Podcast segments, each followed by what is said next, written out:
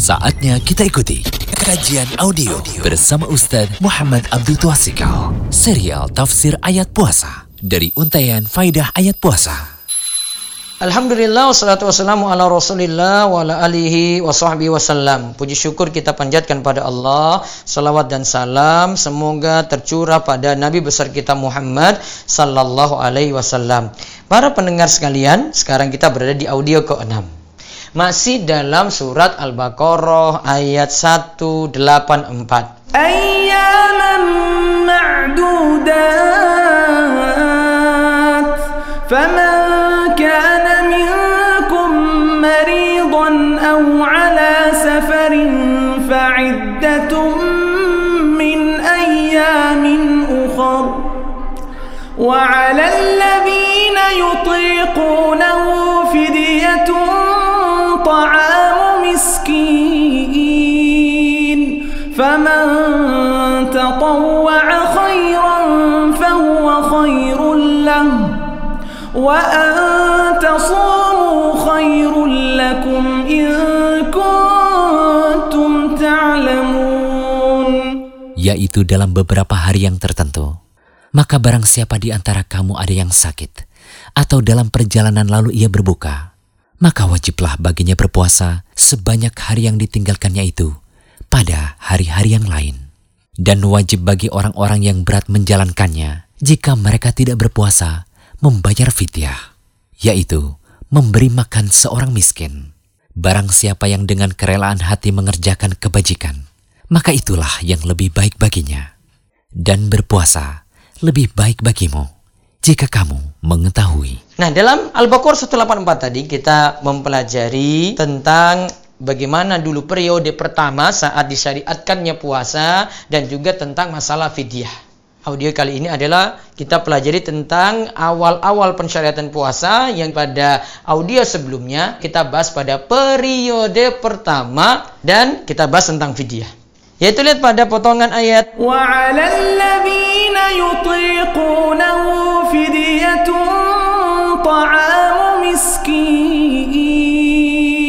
Dan wajib bagi orang-orang yang berat menjalankannya, jika mereka tidak berpuasa, membayar fidyah, yaitu memberi makan seorang miskin. Ingat ya, orang yang berat menjalankan puasa.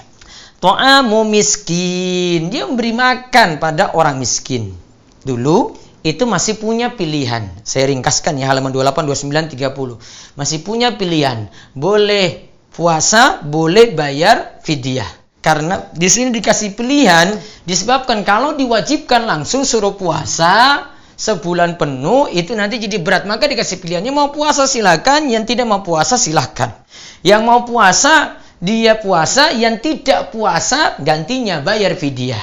Namun tentang masalah ini sudah dihapus sebagaimana dalam hadis Salama bin Al-Aqwa ketika turun ayat wa 'alal ladzina yutikunahu fidyatun ta'amu miskin dikatakan kana man arada ayyuftira wa yaftadiya hatta nazalatil ayatu allati ba'daha fanasakhatha Dahulu bisa memilih tidak puasa lantas menaikkan fidyah hingga turunlah ayat sesudahnya untuk menghapusnya.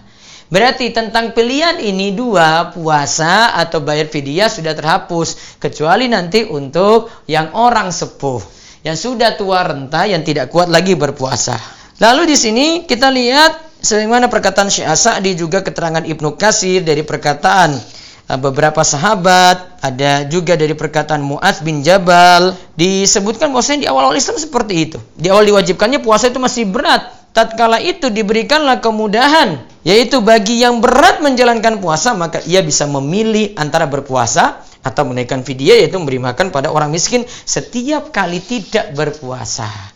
Namun Allah katakan wa antasumu khairul lakum. Ya memilih puasa tetap apa? Lebih baik. Walaupun tadi dikasih pilihan ya, namun memilih puasa tetap lebih baik. Maka dalam syariat Islam seperti itu. Ada diberikan dua pilihan kita boleh milih, tapi nanti ada satu yang lebih afdol yang lebih baik. Lalu di halaman 30 video itu dikenakan bagi yang tidak bisa puasa secara permanen. Ini seperti pendapat dari ulama Hanafiyah, Syafi'iyah, Hanabilah. Sepakat bahwa fidyah dalam puasa dikenakan pada orang yang tidak mampu menaikkan kodok puasa secara permanen. Hal ini berlaku pada orang yang sudah tua renta yang tidak mampu lagi berpuasa serta orang sakit dan sakitnya tidak kunjung sembuh.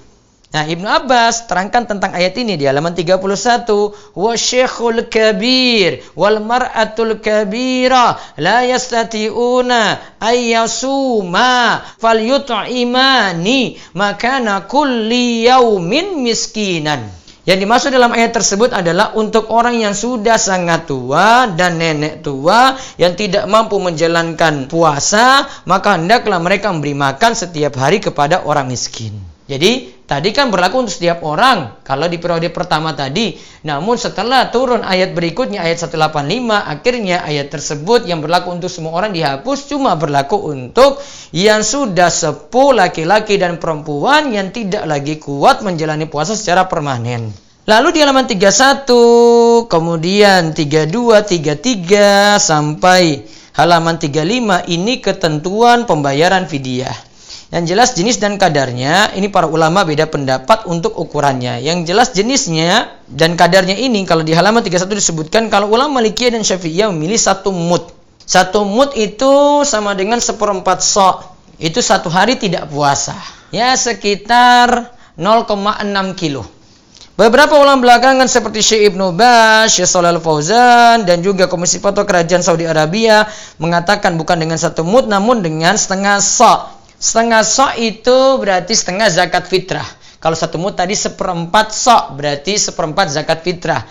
Kalau setengah sok berarti ya sekitar 1,25 kilogram. Ada catatan di halaman 32 dari Syekh Muhammad bin Shalih Utsaimin. Beliau katakan yang lebih tepat dalam masalah ini adalah dikembalikan pada uruf kebiasaan yang lazim. Maka dianggap telah sah membayar fidyah jika telah memberi makan kepada satu orang miskin untuk satu hari yang ditinggalkan. Kalimat Syekh Ibnu Utsaimin dalam Syarul Mumti ini menunjukkan kalau fidyah itu mau satu mut atau setengah sok tadi tergantung urf. Artinya kalau kita sudah dianggap beri makan dengan ukuran segitu, maka sudah dianggap memberi makan. Dan ingat ya pembahasan selanjutnya nanti kita tidak hanya memilih dengan makanan mentah, beras, namun bisa dengan makanan yang siap saji, yaitu dengan nasi satu bungkus. Kalau nasi satu bungkus sudah dianggap kita beri makan, maka vidya dengan makanan satu bungkus sudah dianggap sah. Coba lihat perkataan lagi Syekh Abdul Aziz At-Tarifi dalam Tafsir Al-Bayan li Ahkamil Quran, juz pertama halaman 219 dia katakan, para salaf tidak ada satupun yang menafikan anggapan cukup dalam fidyah. Seandainya fidyah dengan satu mut bisa mengenyangkan orang yang lapar, maka itu boleh. Satu mut tadi berarti seperempat sok ya. Tadi yang sekitar 0,6 kilo. Kadar fidyah sendiri tidak ditetapkan oleh Rasulullah Shallallahu Alaihi Wasallam. Maka yang jadi patokan adalah kebiasaan yang berlaku di masyarakat. Makanan yang dikeluarkan adalah yang sifatnya pertengahan yang biasa dimakan oleh keluarga. Karena Allah katakan min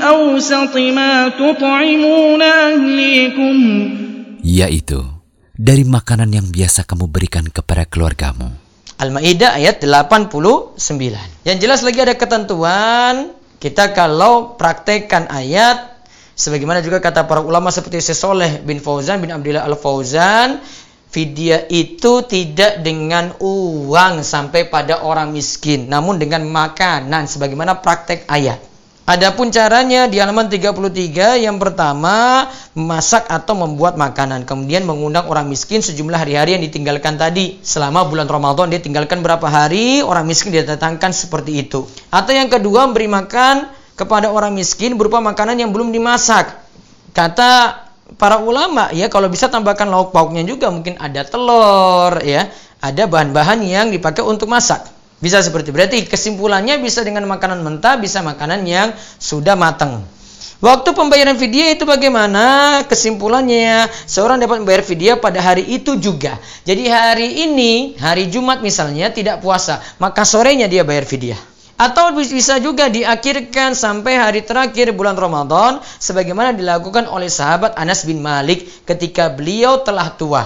Jadi dibayarkan pada akhir Ramadan. Berarti bisa dua waktu ya. Bisa pada hari itu ketika tidak puasa atau bisa juga pada akhir Ramadan atau setelah Ramadan. Yang tidak boleh dilaksanakan adalah pembayaran fidyah yang dilakukan sebelum Ramadan. Nah, ini biasanya dilakukan oleh sebagian orang. Jadi dia sudah yakin memang tidak puasa satu bulan. Kalau di sini jelaskan tidak bayar di awal bulan. Jadi satu bulan ini dilewati dulu. Karena bisa jadi dia tidak dapat di satu bulan, namun Allah sudah meninggal dunia. Jadi kesimpulannya untuk vidya cara bayarnya bisa dengan beras setengah sok atau tadi seperempat sok ya, satu mut. Kalau mau aman sih milih yang setengah sok 1,25 kg per hari seperti saya jelaskan di halaman 35. Yang kedua bisa milih satu bungkus makanan berisi lauk pauk untuk satu hari tidak puasa. Lalu bayar vidya ini bisa dua waktu ya. Hari ini tidak puasa sorenya bayar. Besok lagi tidak puasa sorenya bayar. Tiap hari bayar gitu. Atau bisa dikumpulkan di akhir Ramadan sebagaimana praktek dari Anas bin Malik tadi. Kalau kita lihat faedah ayat dari ayat 184 ini kesimpulannya pertama, kondisi orang yang masih sehat dan tidak berubah menjadi sakit parah maka tidak dibolehkan membatalkan puasa seperti sakit kepala ringan dan batuk ringan. Yang kedua, rahmat Allah kepada para hambanya dibuktikan dengan Allah membebani kewajiban sesuai yang hambanya itu mampu. Maka tadi kalau kita sakit kita tidak mampu kan maka tidak suruh puasa. Maka kewajiban itu sesuai dengan kemampuan kita. Yang ketiga, kesulitan itu mendatangkan kemudahan. Sakit, ada safar, sudah sepuh, tua renta, ada datang kemudahan. Keempat, tidak kuat secara permanen untuk berpuasa atau merasa berat karena usia sudah sepuh maka dipilih untuk tidak berpuasa dan diperintahkan mengeluarkan video dari setiap hari tidak berpuasa. Terus faedah lagi yang kelima, ayat ini menunjukkan bertingkatnya amalan. Satu amalan lebih unggul dari amalan yang lainnya. Karena dikatakan pada ayat wa antasumu khairul lakum. Jika kalian itu berpuasa, maka itu baik untuk kalian. Kemudian disebutkan lagi faedah yang berikutnya lagi yang keenam di antara berkah ilmu adalah mengetahui mana amalan yang lebih afdal. Jadi kita pandai-pandai ya menggali seperti ini, belajar seperti ini. Yang ketujuh kodok puasa dengan milih berpuasa pada hari yang dingin untuk menggantikan puasa sebelumnya yang berada pada musim panas tidaklah masalah. Berarti kodok bebas. Saya puasanya di musim panas yang waktu siangnya lebih panjang, saya ganti di musim dingin yang waktu siangnya lebih singkat sehingga puasanya lebih singkat. Seperti itu dibolehkan. Wallahu alam, semoga bermanfaat. Baru saja kita ikuti kajian audio bersama Ustadz Muhammad Abdul Tuasikal. Ingat, ilmu itu diikat, jangan dilepas. Semoga kajian ini membawa berkah. Jangan lupa kunjungi terus situs rumaiso.com